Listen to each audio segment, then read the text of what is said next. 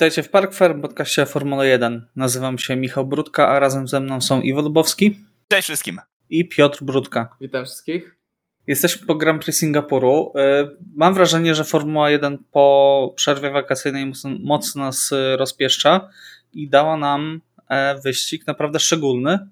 Może nie był to absolutnie najciekawszy wyścig w tym roku, bo jednak tutaj Włochy i Zandvoort myślę, że przynajmniej w moim osobistym rankingu są wyżej, ale jednak mieliśmy świetną końcówkę i przede wszystkim mieliśmy przerwanie czegoś, co myśleliśmy, że już chyba nigdy się nie wydarzy, e, przerwanie serii Red Bulla i to w czystym tempie.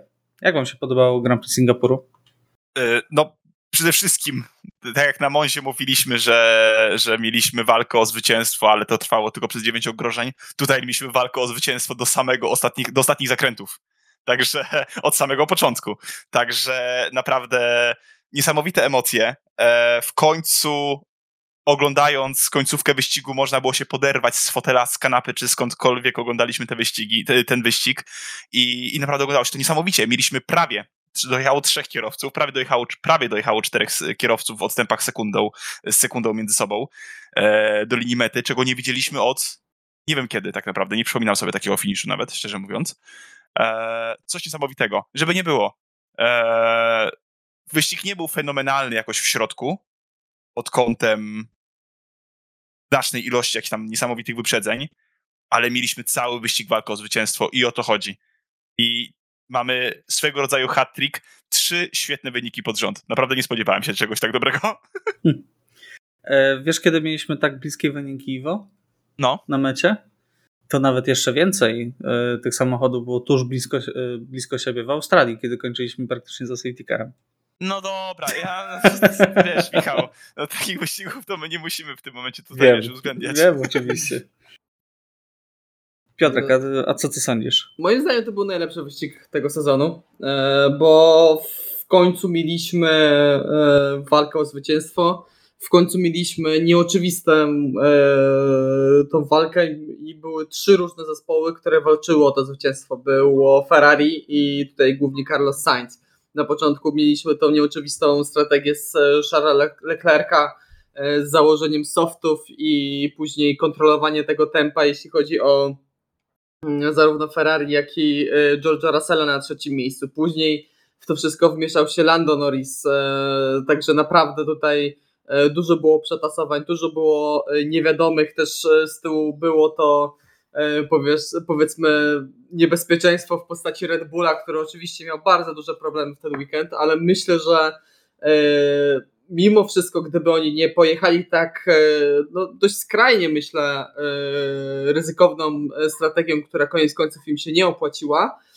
to oni i tak i tak mogli, wydaje mi się, że mogliby tutaj też powalczyć o, o czołowe lokaty. Może nie, nie mówię, że tutaj byli w stanie wygrać ten wyścig, E, ale wydaje mi się, że naprawdę mogli być również e, sporym e, zagrożeniem tutaj dla czołówki, także w końcu końcu mieliśmy przełamanie tej serii Red Bulla, która trwała 15 wyścigów, serii Maxa Verstappena, która trwała 10 wyścigów. Także nareszcie mamy jakieś przełamanie i widzieliśmy kogoś innego na pierwszym stopniu podium. Tak, i tak jak rozmawialiśmy, że no Red Bull, żeby został pokonany, to musi mieć awarię. Tak tutaj o dziwo. E, nie trafili kompletnie z ustawieniami. Przynajmniej taka jest oficjalna wersja. Tak, zobaczymy, jak to będzie w następny weekend, bo też weszła w życie przecież ta dyrektywa o giętkości skrzydeł i też e, no, pojawiały się głosy, że może to z tego powodu Red Bull e, no, nie jest, że tak powiem, nie powiem, że nie jest szybki, bo on był szybki, tylko no nie, jest nie, nie dominuje, tylko że bardziej chodzi o ustawienia, także się źle prowadzi po prostu.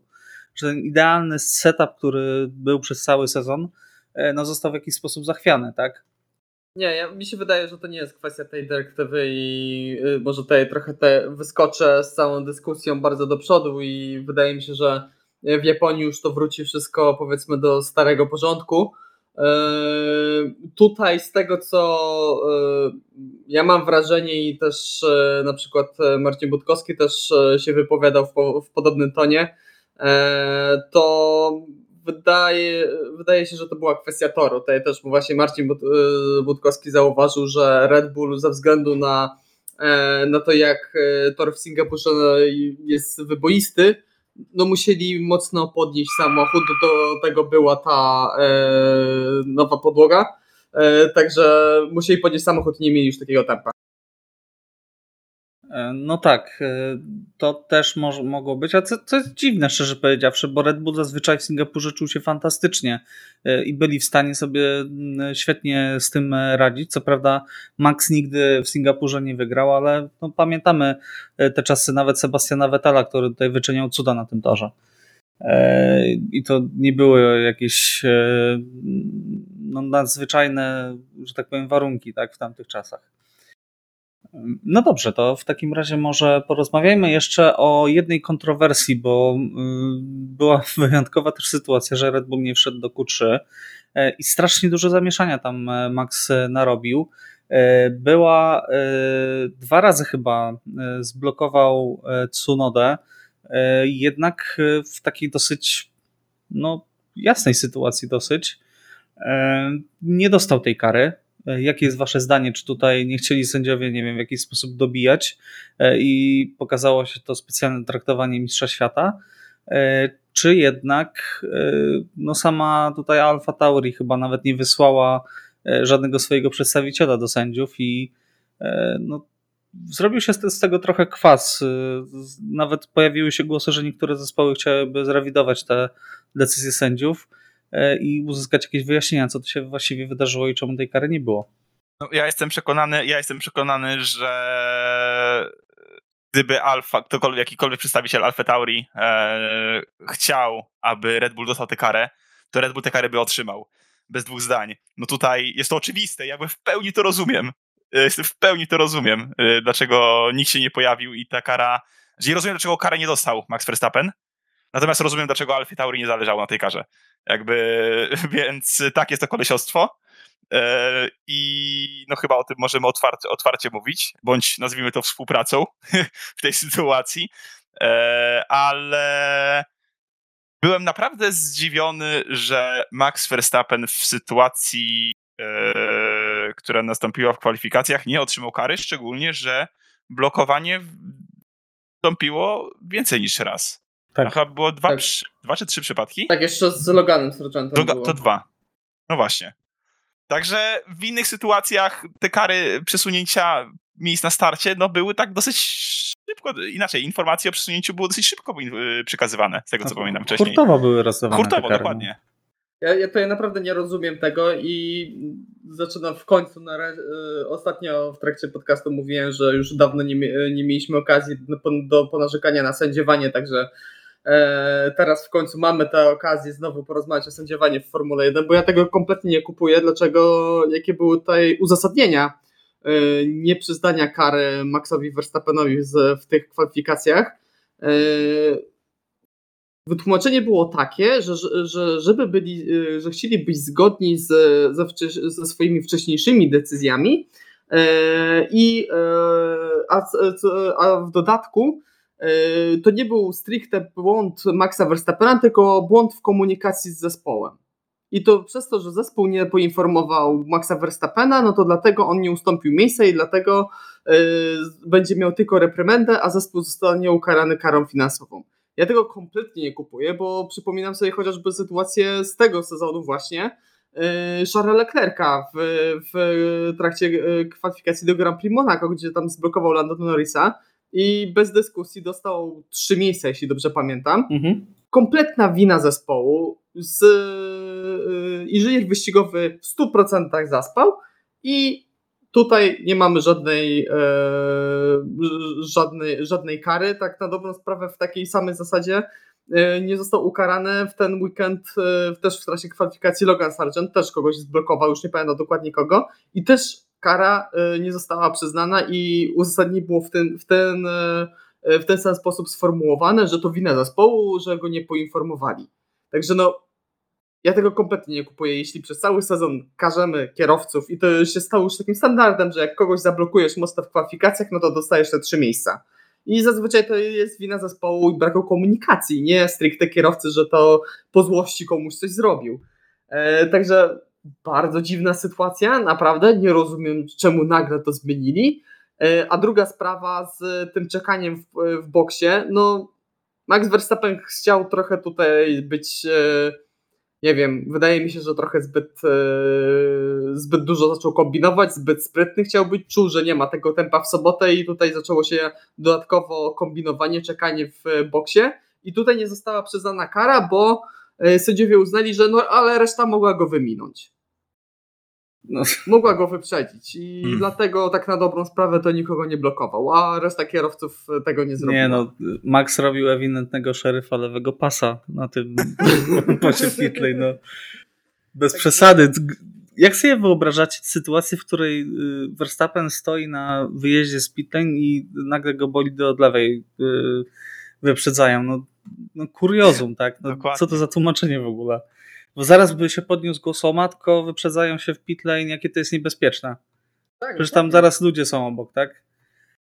Także no, kompletnie tutaj nie rozumiem sędziów, co jeszcze w niedzielę zaczęli wyrabiać to, jak y, na co pozwalano Sergio Perezowi. To też jest zupełnie inny temat i e, no, no niedorzeczne dla mnie, naprawdę jak przez większość tego sezonu o sędziach mało co mówiliśmy, praktycznie nic nie mówiliśmy, e, to sędziowanie było na naprawdę bardzo wysokim poziomie, Teraz. nie mogliśmy nie mogliśmy się za bardzo do czego przyczepić. Tak, Teraz, e, w ten sorry, weekend... Piotrek, masz na myśli, masz na myśli niedokończone sprawy Pereza z Williamsem w Singapurze?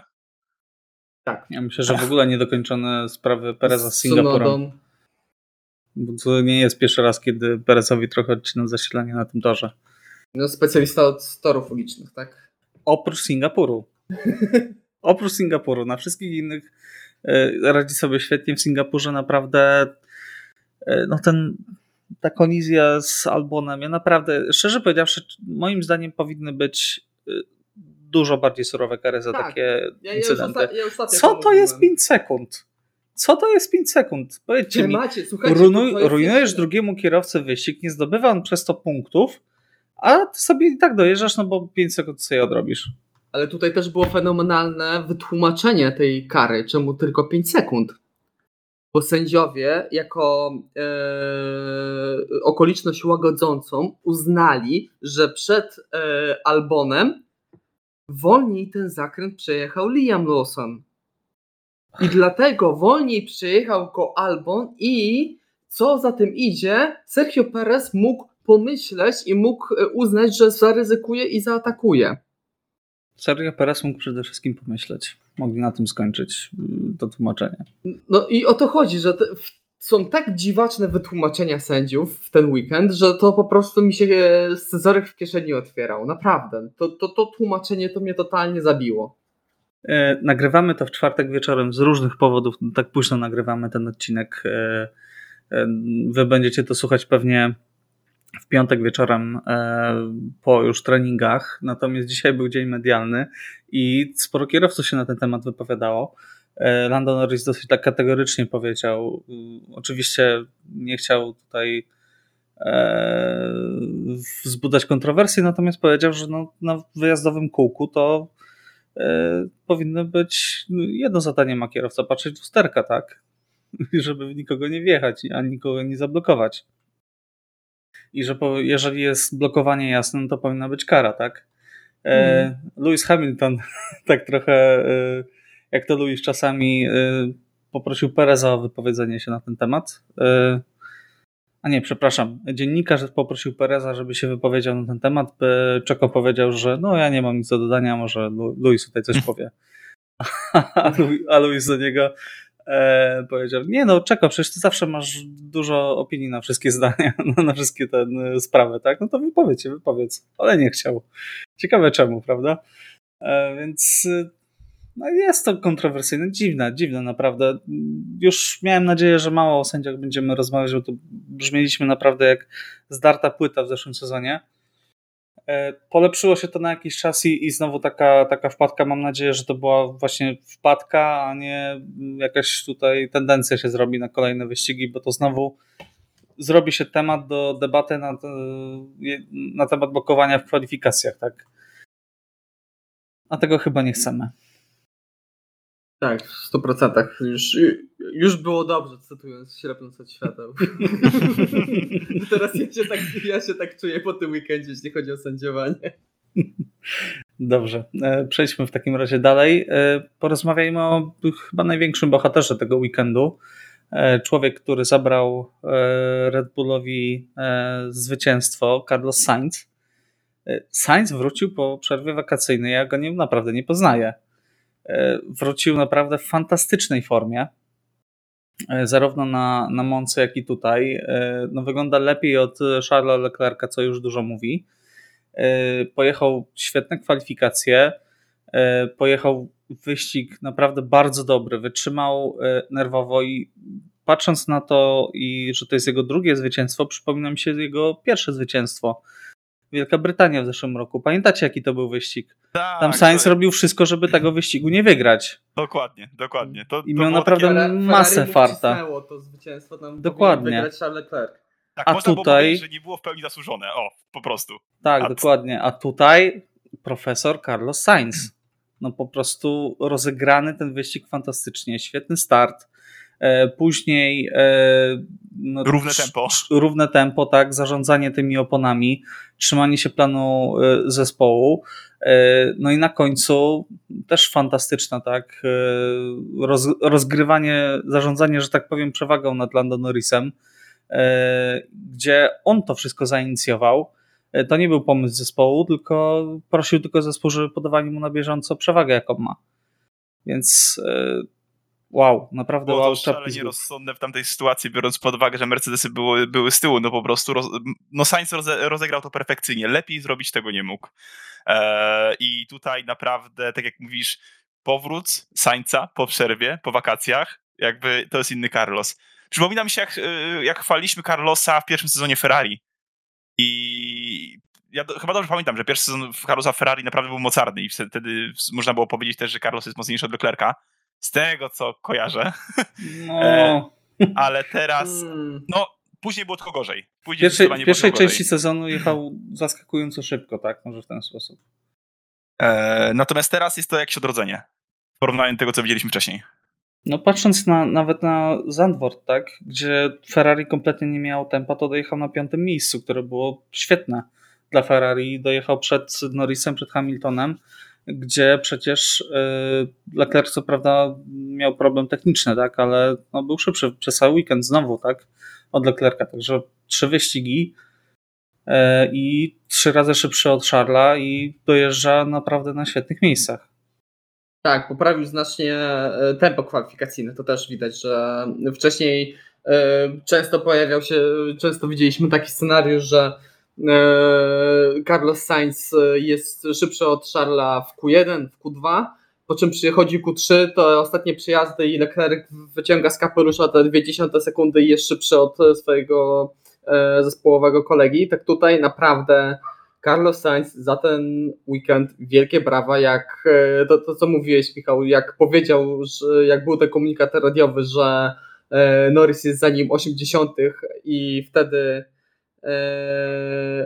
i wtedy Carlos potwierdził, że dobrze, to jest specjalnie, on, on chce, żeby Norris miał DRS, to po prostu zrobiłem wielkie oczy i miałem takie ok, dobra, to, to, to jest naprawdę to jest naprawdę wielkie opanowanie, bo E, jestem w stanie zaryzykować taką e, tezę, że gdyby to Charles Leclerc wygrał kwalifikację w sobotę e, i to on prowadził w tym wyścigu, to wydaje mi się, że mógłby tego nie dowieść. O, że Leclerc by zbudował przewagę, chciał uciec przed Lando Norrisem, co koniec końców pewnie by mu się udało, ale wtedy po prostu Mercedesy by go pochłonęły tak jak, e, no właśnie Charlesa Tak jak Leclerca, tak.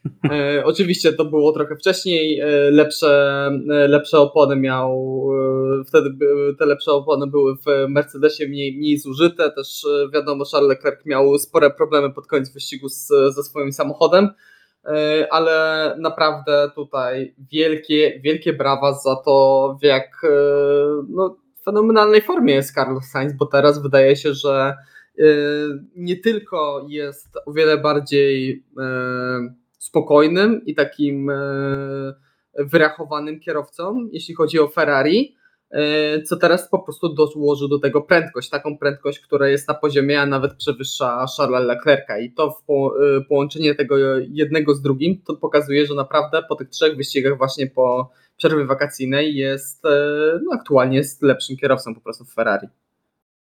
Ja jestem ciekaw, co to, co się, co się wydarzyło że nagle coś się odblokowało, czy właśnie może zmiany w słynne, trochę. Albo zmiany w bolidzie, albo nie wiem, wstał pewnego dnia i coś mu się przestawiło w głowie. Tutaj cytując naszego wspaniałego byłego selekcjonera Jerzego Brzęczka. E, no może tak, no, Carlos jest znany z tego, wiedzieliśmy to też w Drive to Survive lata temu, tak? To jest tytan pracy.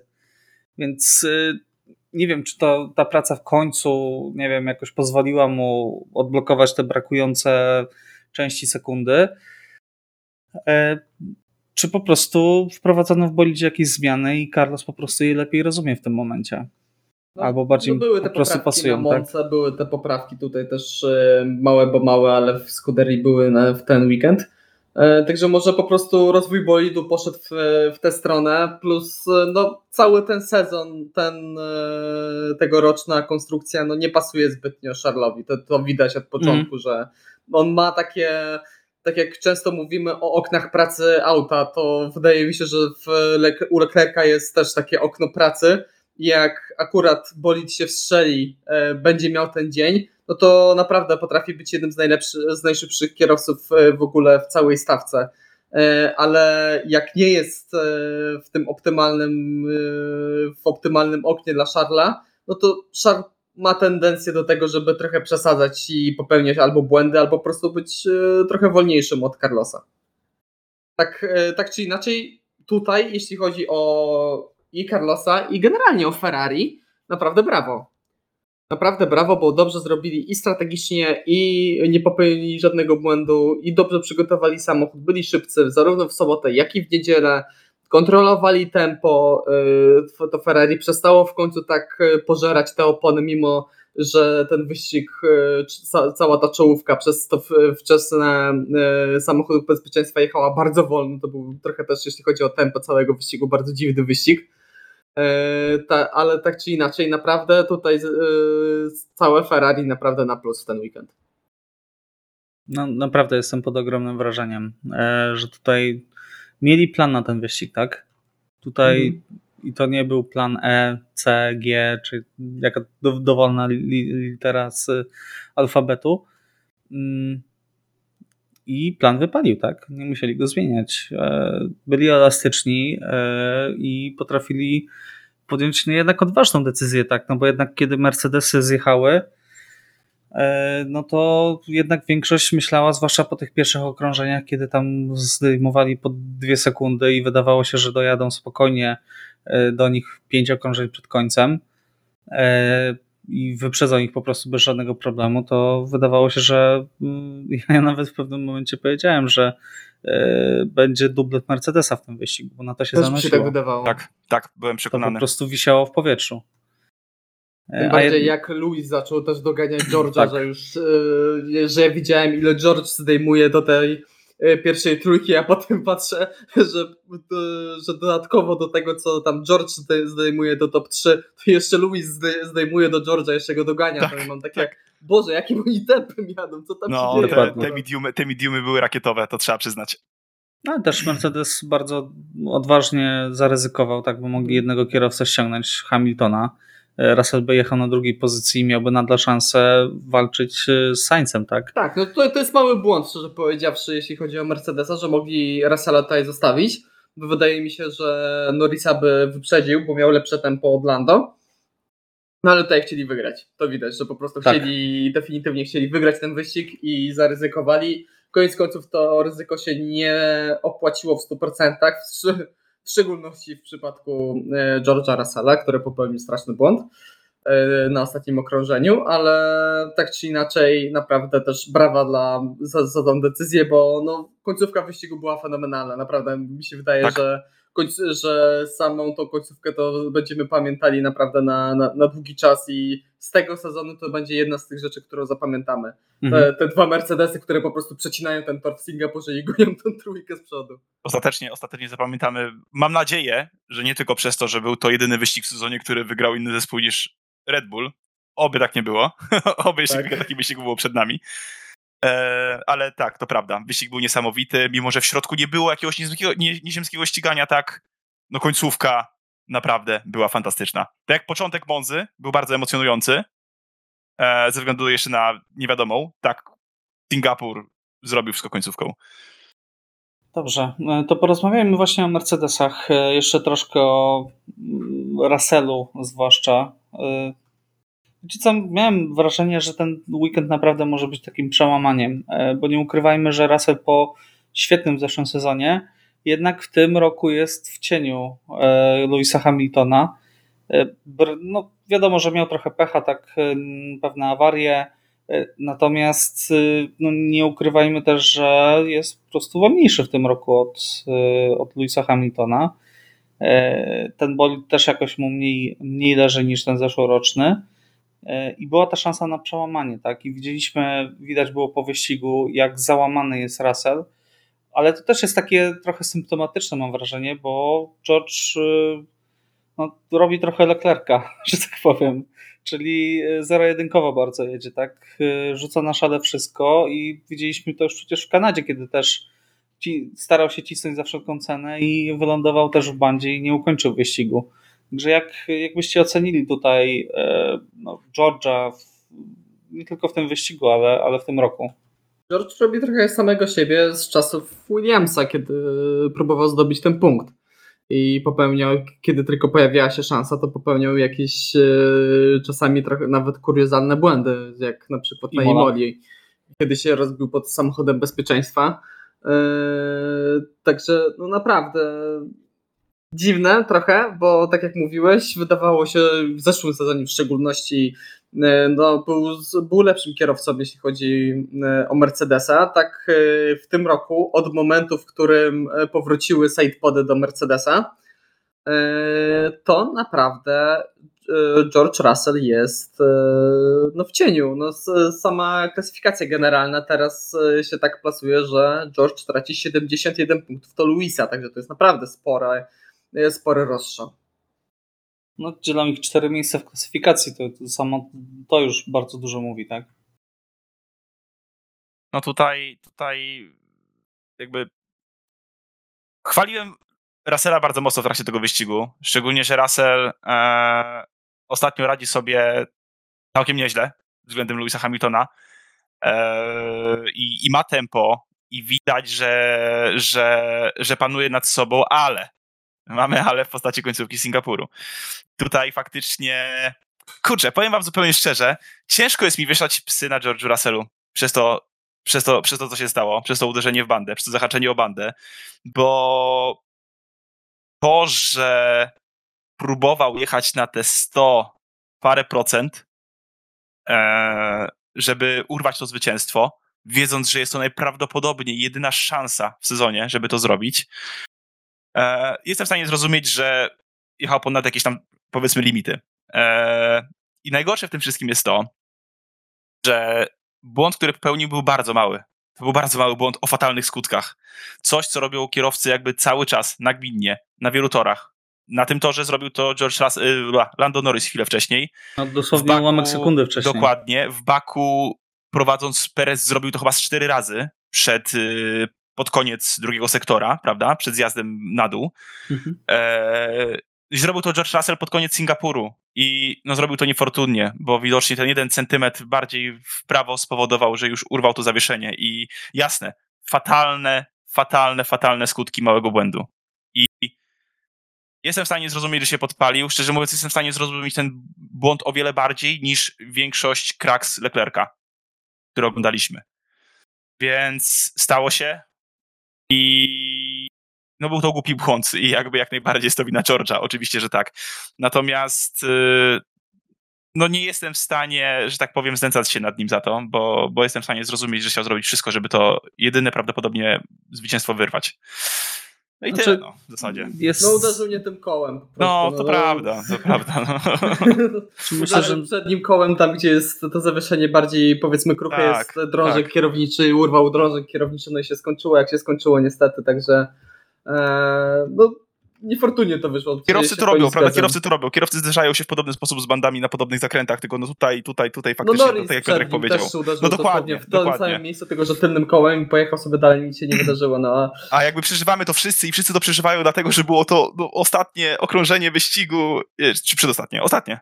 Ostatnie, na ostatnie, ostatnie, ostatnie okrążenie wyścigu i jakby emocje były już po prostu niesamowite.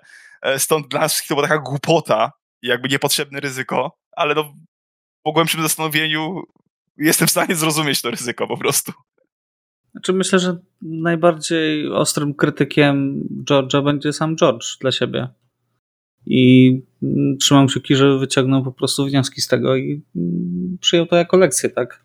Nic innego z tym nie może więcej zrobić. No, stało się po prostu. Dobrze, e, to przejdźmy dalej. E, porozmawiamy trochę o McLarenie. McLaren, który miał dosyć taki ciekawy weekend, bym powiedział, bo z jednej strony przywieźli nowy bolid prawie, znowu. E, dziewięć e, tutaj nowych części e, przywieźli. Na dobrą sprawę nie ruszyli tylko przodu bolidu, reszta została wymieniona, ale tylko w bolidzie Lando Norrisa. Tutaj po raz kolejny widzimy to, że no jak spojrzałem teraz na punkty, tak, w klasyfikację punktową. Lando Norris 97 punktów, Oscar Piastri 42. Moglibyśmy mówić, nie no, kiepski sezon, tak, yy, nie jest to taki świetny sezon Piastriego, można by się spodziewać więcej. Yy, no ale to była, powiedziałaby osoba, która nie ogląda wyścigów, tak. Yy, tak jednak tych sytuacji było bardzo dużo i gdzie był jednak faworyzowany Lando Norris a Oscar Piastri po jadąc starszą specyfikacją bolidu po bardzo słabej e, znaczy po bardzo słabej, miał pecha po prostu, tak, w Q1, bo e, Lance Stroll się przed nim rozbił i musiał zwolnić na samym końcu okrążenia, nie wyszedł z Q1, a w niedzielę zaliczył bardzo pozytywną, bo dojechał na siódmym miejscu, więc też całkiem spore punkty zaliczył. Co sądzicie na temat McLarena? E, czy waszym zdaniem e, jest to zespół, który jest w stanie jeszcze jakoś namieszać w tym sezonie? No, przede wszystkim wydaje mi się, że to jest zespół, który może regularnie walczyć o podia w tym sezonie i tutaj zakładając, że Red Bull wróci, wróci do czołówki, w kole, jakby z niej spadł, wróci gdzieś na swoje miejsce od kolejnego wyścigu. E, 600 punktów prawie w konstruktorach, tak, wróci do tak czołówki. Tak, przypomnijmy, tak, przypomnijmy, że Max Verstappen nadal ma spokojną przewagę nad Mercedesem. No właśnie, no właśnie.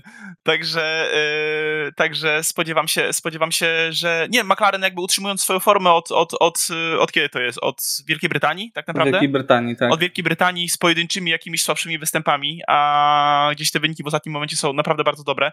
Także, także liczę, że nie jest to ostatnie podium w ich wykonaniu i będą tutaj tłuc się inaczej.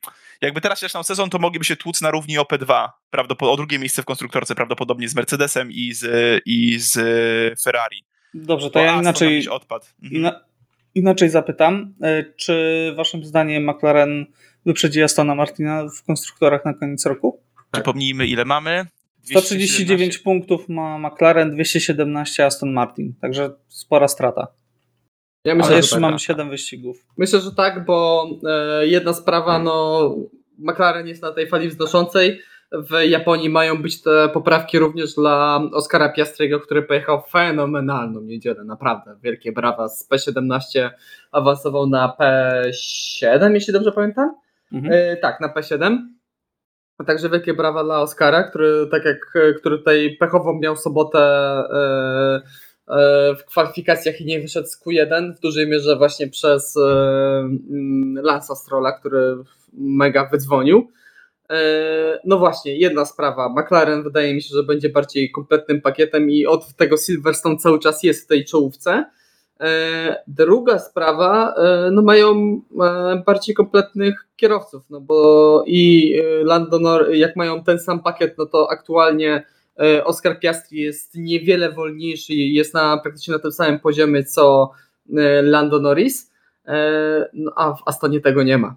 Mamy tam jednego kierowcę, który jeździ na poziomie, który no, wtedy weekend dodatkowo miał fatalny wyścig Fernando Alonso. No, wszystkie nieszczęścia praktycznie tak, tak, i też to, to, to jakieś dziwne błędy kulminacja tragicznego e, tutaj wszystkich złych decyzji, jeśli chodzi o zespół, jakichś błędów w boksie, błędów też Fernando, któremu się rzadko zdarzały, także naprawdę bardzo zły wyścig e, i też kiepska jazda na dobrą sprawę, bez takiego przekonania.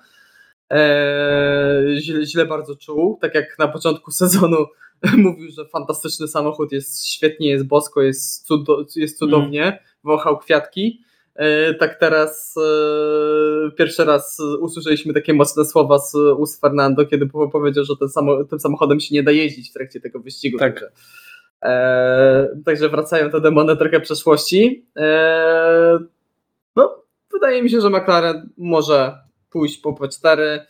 E, no i no i co, no, Aston może sobie tylko sam sobie pluć w brodę, że, a w szczególności Lawrence Stroll, że cały czas wpycha na drugi fotel swojego syna, po prostu.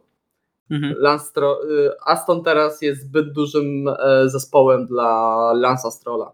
Ale wydzwonił konkretnie, nie? W sobotę. Tak, oj. Tak. Strasznie wyglądało to naprawdę. Strasznie to wyglądało naprawdę i strasznie niebezpieczne to było, że on wrócił na ten bolid wrócił na tak. tor bokiem. To jest zawsze, jak ja to widzę w jakiejkolwiek e, kategorii wyścigowej, jak samochód wraca bokiem na linię praktycznie wyścigową, to we mnie się coś mrozi po prostu i dobrze, że nic się nie wydarzyło i nikt tam blisko nie był, nie był z tyłu, bo to było bardzo, bardzo niebezpieczne, ale też e, realizator wybrał idealnie kamerę, że wtedy oglądaliśmy onboard tak. naprawdę. Tak.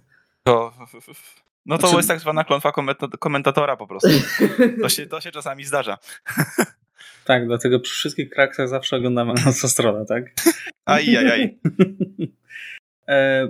No tak, no myślę, że nie ma co dodawać za bardzo na temat Astona. E, nastawiali się strasznie na ten weekend e, i skończyło się kompletną klapą. Tak, jak Ferrari potrafiło przygotować ten pakiet na, na, te, na Monce, tak tutaj mówiliśmy w zeszłym odcinku, że no, Aston się tutaj szokuje, zapowiadają tutaj nie wiadomo co i wyjechali bez punktów. Alonso po raz pierwszy w tym roku bez zdobyczy punktowej. Stroll w ogóle nie pojechał w niedzielę, bo odczuwał jeszcze skutki e, sobotniego wypadku, ale myślę, że też tutaj e, no, wzięto pod uwagę to, że ten bolid był kompletnie rozwalony i mogło brakować po prostu części zamiennych, żeby go w pełni na niedzielę odbudować i uznali, że po prostu nie ma sensu, tak, i, i pojadą do, do Japonii, bo i tak Stroll startował z ostatniego miejsca i patrząc na jego tempo w ten weekend, to E, no, raczej punktu by nie było.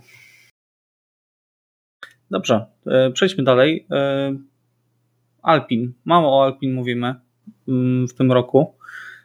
Pierre Gasly z szóstym miejscem wykorzystał te wszystkie błędy i różne przygody przeciwników przed nim. Pojechał solidny wyścig, natomiast Esteban Ocon zaliczył no, myślę, że bardzo przyzwoity wyścig, zakończony niestety przedwcześnie przez e, awarię. Także ta Alpinka nadal taka nierówna strasznie. Tak, no do momentu, w którym jechał Esteban Ocon, to naprawdę jechał po profesorsku. Jechał świetny wyścig moim zdaniem. E, a najlepszym... A przypomnijcie, który miał miejsce, y, jak on się pozycjonował w momencie awarii, bo Chyba szósty był. Okej, okay, no to był tak. Szósty tak, był faktycznie. przed Maxem Verstappenem. No, to lepsze. Po niefortunnych, po niefortunnych safety carach to się nie dziwię, że, że przed Maxem. Mm, tak, ale, tak. ale, ale mieli, mieli, tempo i wydaje mi się, że naprawdę tutaj mogli, e, czy tuż za Maxem Verstappenem, nie pamiętam dokładnie, ale e, tak czy To mógł być ten wyścig. To mógł tak. być ten do, dobry wyścig, tak, faktycznie. tutaj naprawdę rzeczywiście był, jechał agresywnie, jechał, te manewry wyprzedzenia były naprawdę bardzo dobre. E, no ten manewr wyprzedzenia na Fernando Alonso to naprawdę czapki z głów, fenomenalny manewr. E, wyprzedzania. Świetnie się ta walka oglądało. E, no i szkoda, że w dniu swoich urodzin, kiedy jechał naprawdę tak świetnie, e, no przydarzyła się ta awaria, bo naprawdę Alpin mogło wywieźć z Singapuru na bardzo dużą zdobycz punktową, a niestety no, tylko jeden samochód dojechał. No ale tak jak mówisz, bardzo nierówny jest ten zespół i no, od jakiegoś, od paru lat to tak jest, że oni czasem mają wyskok, pojadą parę dobrych wyścigów, po czym jest yy, walka ledwo co o punkty. No było podium Gassiego i w następnym wyścigu z Q1 nie weszli. No właśnie. W jednym i drugim bolidem, także to najlepiej chyba pokazuje. E, jakim zespołem jest są, tej, są w takiej, w dodatku są w takiej, na takiej ziemi niczyjej aktualnie, bo są znacznie szybsi mi się wydaje niż e, cała ta reszta stawki, czyli Williams, Haas, Alfa Romeo, Alfa Tauri.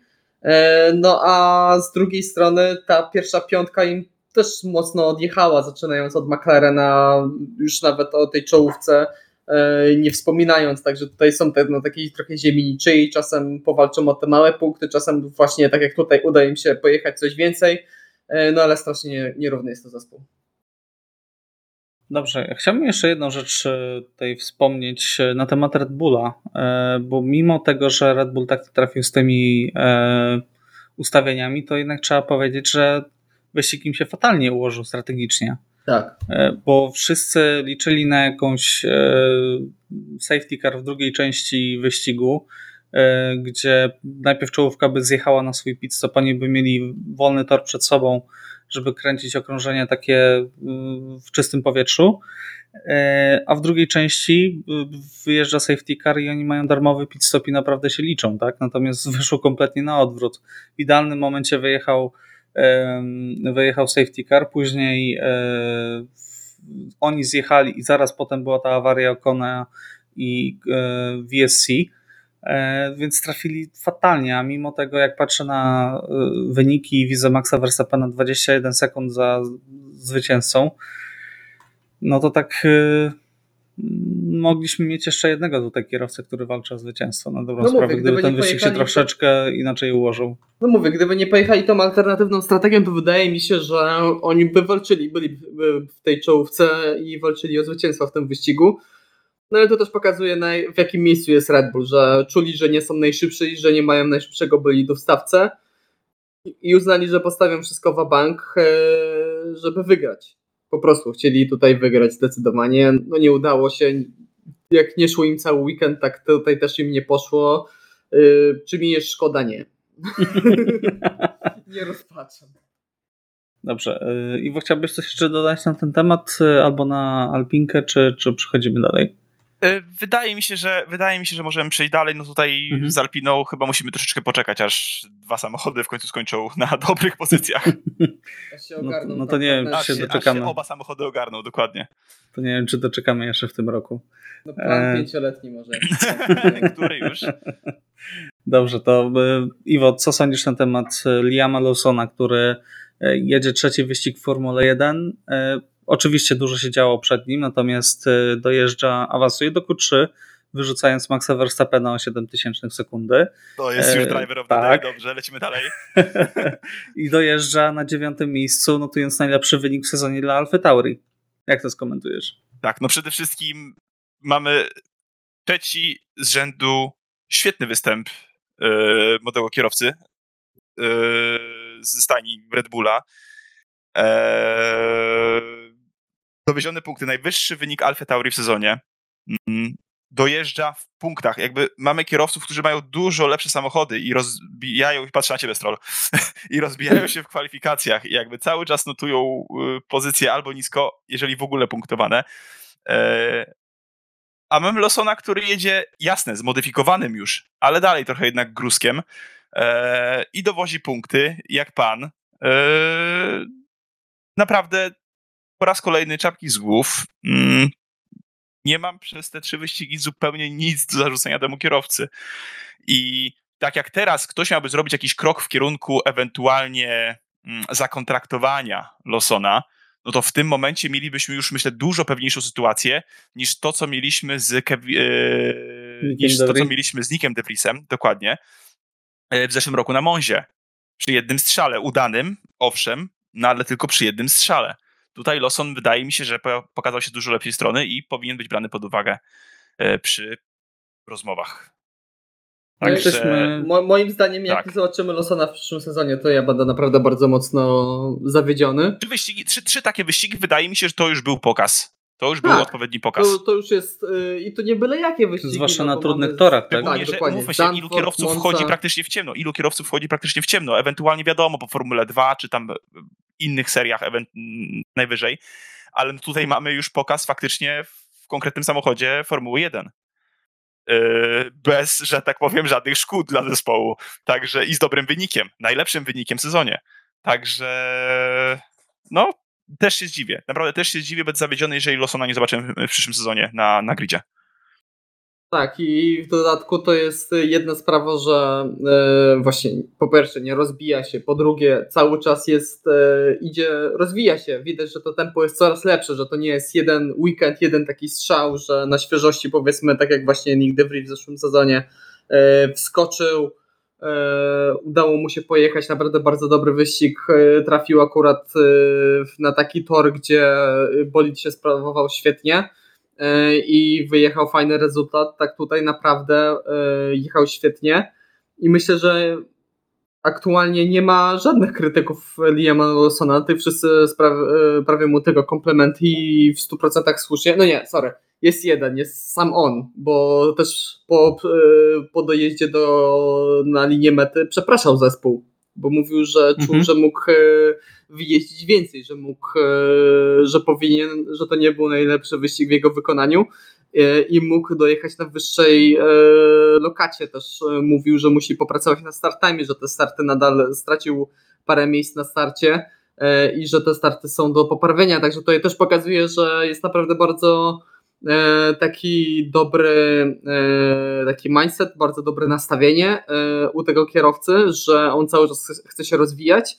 E, No i wydaje mi się, że no, no powinien dostać miejsce. No jeśli e, patrzymy na, e, na stawkę i właśnie jest taki Lance Stroll, czy teraz dostał miejsce e, w Formule 1 e, cały czas utrzymał miejsce Guan Yu Zhou, no to myślę, że taki Liam Lawson powinien mieć e, to miejsce w Formule 1 na spokojnie. Okej, ja tak was słucham i zastanawiam się, jak łatwo jest was przekonać do tego, że kierowca zasługuje na miejsce w y, całym roku. No nie, nie, wiesz co, y, wiesz co dlaczego? Bo to nie jest kwestia, że tutaj ja do Nika DeVry nie byłem przekonany, szczerze powiedziawszy. Znaczy, dużo było dużo Znaków było zapytania. Takich, raz z jednej strony znaków zapytania, a z drugiej strony było tak, no, w swoim, w swoim czasie wygrał for, Formułę 2. y, W innych kategoriach wyścigowych naprawdę bardzo dobrze sobie radził. Także dużo było przesłanek. Tutaj dostał y, miejsce, dostał szansę, wykorzystał to, te szanse y, i przyszedł do Alfa Tauri i się kompletnie, kom, kompletnie to nie zagrało. Ale tutaj mamy z jednej strony mamy kierowcę, który jest w tej rodzinie Red Bulla już od dłuższego czasu, który też w Formule 2 uzyskiwał dobre rezultaty, który wskoczył w tym sezonie. On e, dotychczas jeździł w e, Super Formule, która też jest bardzo dobrą e, serią wyścigową. Te samochody są naprawdę bardzo szybkie, e, mają bardzo dużo docisku. E, I tam na, e, praktycznie z miejsca e, jeździł w samej czołówce na dobrą sprawę, w którym w miejscu, w momencie, w którym wskakiwał do Formuły 1, on był drugi w generalce. Także naprawdę Liam Lawson pokazywał wszędzie, że naprawdę jest bardzo, bardzo dobrym kierowcą i tutaj, szczerze powiedziawszy, jestem bardziej przekonany, że on do Alfa Tauri pa- pasuje, pasuje bardzo dobrze w przeciwieństwie jak do tego, jak było z Nickiem DeVry. Tam takiego prze- przekonania, szczerze powiedziawszy, nie miałem. E, Michał, wydaje mi się właśnie, że sytuacja jest też taka, że bardzo rzadko, e, ja sobie nie przypominam w sumie aż tak, e, bardzo rzadko mamy sytuację, żeby kierowca faktycznie juniorski wszedł w, do, do bolidu Formuły 1 na 3-4 wyścigi w tym momencie, może dłużej. E, poradził sobie naprawdę tak dobrze i tak bezbłędnie. Więc y, jako, że mam taką sytuację, mamy już jakby ten test prawie za nami, y, jesteśmy w trakcie i na razie jest on na takie mocne, na mocną piątkę, moim zdaniem, e, no ciężko tak naprawdę w inny sposób przekonać się, czy kierowca się nadaje. Bo reszta to jest, strzały w ciemno, prawda? E, Nick DeVries to był strzał w ciemno. Wielu kierowców przechodzących z F2 do F1, mimo dobrych wyników, e, bardzo dobrych wyników w Formule 2, to też jest trochę strzał w ciemno. Tutaj mamy faktyczny test w warunkach bojowych. Ciężko mi o lepszy test dla kierowcy, szczerze mówiąc. No zobaczymy, jak Czy to wiecie, sobie poradzi. Bo Nie będzie- jest tak, że ja jestem przeciwny Liamowi, tak, bo jak przypominam. Nie e, no, w musi ktoś wiadomo tygodniu- też nas na ziemię sprowadzić, ja to rozumiem. Tak. E, stawiałem, że to będzie kierowca dnia i zamiesza i zdobędzie punkty. No i tak się wydarzyło, tylko no, nie wygrał Max Verstappen, więc kierowcą nie został Carlos Sainz. E, natomiast e, dla mnie to jest cały czas trochę za mała próba. Ja, ja wiem, że trzy wyścigi to już jest całkiem sporo, ale mieliśmy już takie przypadki, że no, debiuty wyglądały całkiem nieźle, parę wyścigów było całkiem ok, ale później, kiedy przychodziły jakieś pierwsze problemy, to, to ten kierowca pękał. Oczywiście nie życzę tego e, Lawsonowi, bo e, no, tak jak mówicie, to jest bardzo taki pokorny kierowca. E, Ma duży respekt do całej Formuły 1, mam wrażenie, i do tego całego świata, i e, cały czas mówi, że dużo musi się nauczyć. Nawet jak zdobył e, te dwa punkty, to powiedział, że no tak, ale tutaj na starcie trochę straciłem, powinienem to poprawić, jest jeszcze sporo tutaj do, do poprawienia. To się szanuje, tak? Y, Oczywiście. Natomiast już widziałem jakąś wypowiedź, że no raczej nie będzie miał miejsca w Alfie Tauri na przyszły rok, e, bo y, Daniel Ricciardo jest praktycznie pewny tego miejsca na przyszły rok. e, Natomiast Yuki Tsunoda ma też ogromne wsparcie Hondy. E, Więc to też, e, co prawda, widziałem wypowiedź, że walka o ten fotel drugi w Alfie Tauri jest właśnie między Tsunodą a Lawsonem, także nie wiem. Ja e, jakoś nie widzę tutaj po prostu pola manewru dla Lawsona. Ewentualnie widziałbym go Williamsie za Logana Sargenta, bo który naprawdę e, Tak. ciężko jest y, być debiutantem w Formule 1, kiedy pojawia się taki Lawson i z miejsca w środku sezonu wsiada do bolidu i punktuje gorszym bolidem od ciebie i jednocześnie masz takiego gościa jak Oscar Piastri. Y, Jak jeszcze rok temu myślę, że bez takich debiutantów mocnych byśmy mówili, ok, dobra, on się uczy. Tak tutaj jednak ta liczba pomyłek y, Logana jest naprawdę duża i y, Pogłębia się. pogłębia się. No, to, no ten, ten wjazd w bandę to był taki, tak jak to powiedzieliśmy, no mocno w stylu Latifiego, tak? Mhm. I nie jestem przekonany, że on, y, zwłaszcza przy takiej puli talentów, którzy czekają na miejsce w Formule 1, jak nie wiem, e, Pushie, tak, e, albo właśnie Lawson, Drogowicz cały czas. Drugowicz, dokładnie, e, że on po prostu na to miejsce zasługuje w tym momencie w Formule 1. No tak, tutaj jeśli chodzi o przypadek Logana Sargenta, ja nie byłem przekonany eee, tego wyboru na samym początku i nadal nie jestem przekonany. Wydaje mi się, że no, nie dowozi. Nie dowozi Logan. Powinien mieć lepsze rezultaty i no, ja sobie nie przypominam żadnego takiego wyścigu, żadnego takiego momentu, jakiegoś e, przebłysku talentu, przebłysku naprawdę bardzo dobrej jazdy, czegoś, czym można by się zaczepić, jakiejkolwiek Początek tutaj kwalifikacji obrany. na Zandvoort był dobry. Eee, szukamy dalej. No to od razu Tak, Wow. początek tak. Q3 Tak, na tak, tak, Zandvoort. tak, tak, tak. Ale, ale no właśnie o to chodzi, nie? Tak samo jak pamiętamy błąd Maxa Verstappena w postaci lock-upu z Singapuru, tak pamiętamy początek kwalifikacji Logana Sierżanta z, z Zandvoort. I niestety, bo początek sezonu, jak to do Bahrajnie czasami faktycznie były, potrafią pojawić się dobre prognostyki u kierowców, że, że, że, że zabłysną, na przykład tym HP11. Tak. tak, dalej nic się nie działo. Niestety. Niestety. Tak, było to Zandvoort taki po przerwie przebłysk, wydawało się, że może być lepiej, Mhm. no i znowu mamy zjazd w dół i no ja tego nie widzę. Dobrze. No i może tutaj, może tutaj Mhm. Red Bull właśnie wykupi to miejsce mm, dla Liama Lawsona w, w Williamsie. Nie wiem, zobaczymy. Miałbym nadzieję, bo chciałbym z tego kierowcę zobaczyć w przyszłym sezonie, bo e, moim zdaniem, mówię, e, moim zdaniem on zasługuje na to miejsce w Formule 1. Okej, Czy, czy się sprawdzi? Nigdy nie jesteśmy w 100% pewni, ale No wiesz, Aleksandr się nie sprawdził w Formule 1, bo czuł wrócił i teraz wszystko W Red Bullu. wychwalają. Tak? W Red Bullu, nie w Formule 1. Tak. No, w Red Bullu, okej. No, ale wyleciał z Formuły 1, to można było po- powiedzieć wtedy, no, Aleksandr się nie sprawdził w Formule 1. I Ale je, uważam, niech sobie jeździ w DTM-ie teraz. Żeby nie było wątpliwości, uważam, że start w, w Toro Rosso był ok. Tak nazwę go ok. hmm. Dobrze, przejdźmy dalej, bo już za chwilkę godzinka minie jak gadamy, a jeszcze troszeczkę jest rzeczy do obgadania. Has zdobył punkt. Gratulacje dla ekipy Gintera Steinera, bo bardzo długo czekali na ten punkt, bodajże od Austrii.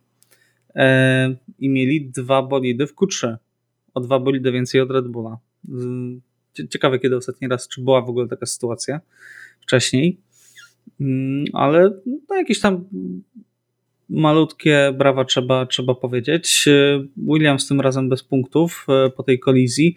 Mówiliśmy już o tej kolizji, także myślę, że nie będziemy tutaj się powtarzać. E, czy chcielibyście coś jeszcze dodać odnośnie tego wyścigu? Znaczy, wydaje mi się, że Has tutaj miał dużo szczęścia ze względu na po pierwsze tego, co, ile y, tej ilości rzeczy, które się działy z przodu, jakieś kontakty, awarie e, i tego typu różne historie, plus e, to e, bardzo wolne tempo czołówki w środkowej fazie wyścigu, kiedy oni oszczędzali opony, żeby dojechać na jeden pit stop do końca. I głównie dlatego jest ten punkt. Wiem, że tutaj się ostatnio stałem strasznym haterem Hasa, E, no ale to podtrzymam, że no, w niedzielę to w sobotę fajnie, czasem mają dobre rezultaty, ale w niedzielę to jest bieda cały czas. No dobrze. No w takim razie, Iwo, chyba, że coś chcesz jeszcze tutaj dorzucić od ciebie. Nie, wydaje mi się, że, że, że, że tu już temat mamy chyba wyczerpany. Okej, okay, dobrze. To jeszcze zostaje tylko na dobrą sprawę informacja o przedłużeniu kontraktu z Oskarem Piastrim E, do 2026 roku, także też naprawdę długi ten kontrakt. Długi. Trzy lata, trzy, znaczy, trzy sezony na dobrą sprawę pełne kolejne. E, no to jest takie zabezpieczenie, zabezpieczenie dla McLarena e, i widać, że nawet sobie Oscar żartował, że w tym roku nie było żadnych przygód z ogłoszeniem jego kontraktu. w porównaniu do tej pozytywny. afery zeszłorocznej, tak, jest bardzo pozytywne. I no myślę, że to bardzo dobre. Uzasadnione. Tak, jest, uzasadnione. Jest, jest, to uzasadnione. Po, tym, po tej Wielkiej Brytanii, tak naprawdę, kiedy już faktycznie mógł się pokazać w szybkim aucie, uważam, że jest to w pełni uzasadnione. Bardziej spodziewałem się 1 plus 1 albo dwuletniego. Mhm. Tak, biorąc pod uwagę, że to jest dalej jego pierwszy sezon. Ale no, tak jak powiedziałeś, McLaren, McLaren chce się zabezpieczyć.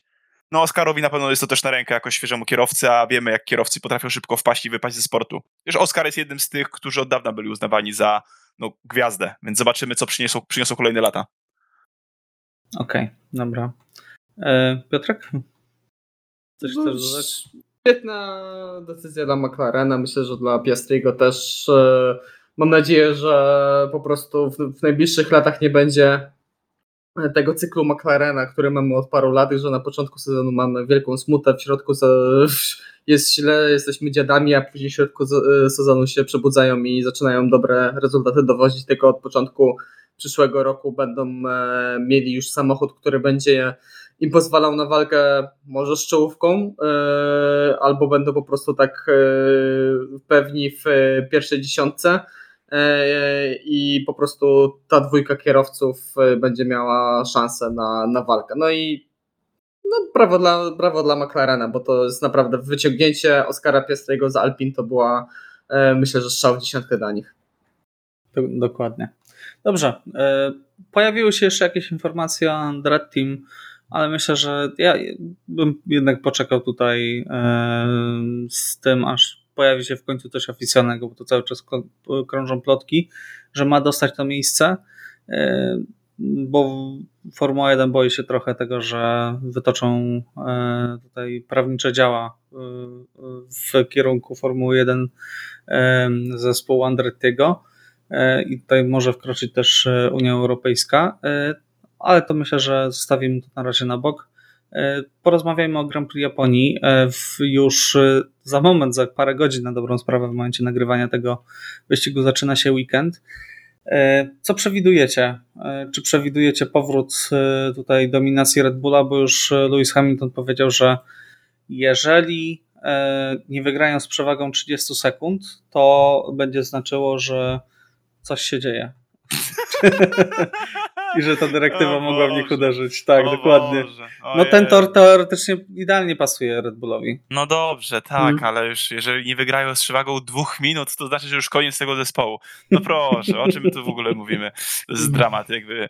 E, nie no tak, spodziewam się, że Red Bull wróci. E, nie wiem, czy One Two, no bo Max jest przewidywalny, Perez mniej. Także na drugiej pozycji spodziewam się tak naprawdę każdego. E, więc e, no przede wszystkim jakby inaczej. Uwielbiam ten tor, mam nadzieję, że stanie się coś ciekawego. Nie wiem, jakie są prognozy pogody. Może podać. Może wczoraj, padać. wczoraj tam że, rzeka płynęła przez tor. Także. No dobra, ale to nie aż tak, bo jeszcze nie będzie No po co wstawać, e, więc, więc, więc nie idźmy w taką skrajność. E, no jeden z moich ulubionych torów, super nitka, fenomenalny pierwszy sektor, zakręt 130R pod koniec, no to są kultowe fragmenty tego toru i liczę na bardzo szybkie, fajne ściganie. E, 20% szans oficjalnej tutaj przewidywania Formuły 1 na deszcz w sobotę i w niedzielę. Hmm. I Że- 60% w piątek. Czyli w zeszłych latach bym powiedział, że na pewno nie będzie padało, a w tym roku to pewnie będzie padało, bo bardzo, Tak. dużo, bardzo dużo mamy tych deszczowych wyścigów e, w, w tym sezonie. No ja też się w pełni zgadzam. Fantastyczna nitka, świetny tor, dobrze, że tutaj jedziemy. E, I no, tak jak wcześniej już e, powiedziałem, tak się powtórzę, no Red Bull wróci na, e, na górę. Wydaje mi się, że e, w sobotę nie będzie takiego fajerwerku w wykonaniu Red Bulla. Wydaje mi się, że ktoś inny tutaj wygra kwalifikacje, ale w niedzielę no będzie po staremu. Niestety. Dobrze, to jak przewidujecie w takim razie? Piotrek, może ty zaczniesz dzisiaj. Carlos Sainz w sobotę, w niedzielę e, Max Verstappen e, kierowcą dnia będzie hmm. Liam Lawson. To znowu O. zapunktuje. Okej. No w sumie Alfa Tauri przywiozło też prawie nowy bolid, to to będzie e, bardzo ważny wyścig dla nich na pewno. E, Iwo? E, teraz tak. Max Verstappen. Mhm. Mm, Max Verstappen. A kierowcą dnia zostanie. Tutaj stanie się coś dziwnego. Pierre Gasly. Będzie Okej. kierowcą dnia. Co na podium będzie? Może. Może. No dobrze, to w takim razie ja stawiam, że w kwalifikacjach e, wygra Lando Norris. E, Wierzę w to poprawki McLarena. E, Wyścig wygra Max Verstappen, natomiast kierowcą dnia będzie Yuki Tsunoda. Punkty u siebie. Punkty u siebie, dokładnie tak. Dobrze, e, dziękujemy Wam bardzo za e, dotrwanie do, z nami do tego momentu. E, Dziękujemy za spędzenie tego czasu z nami.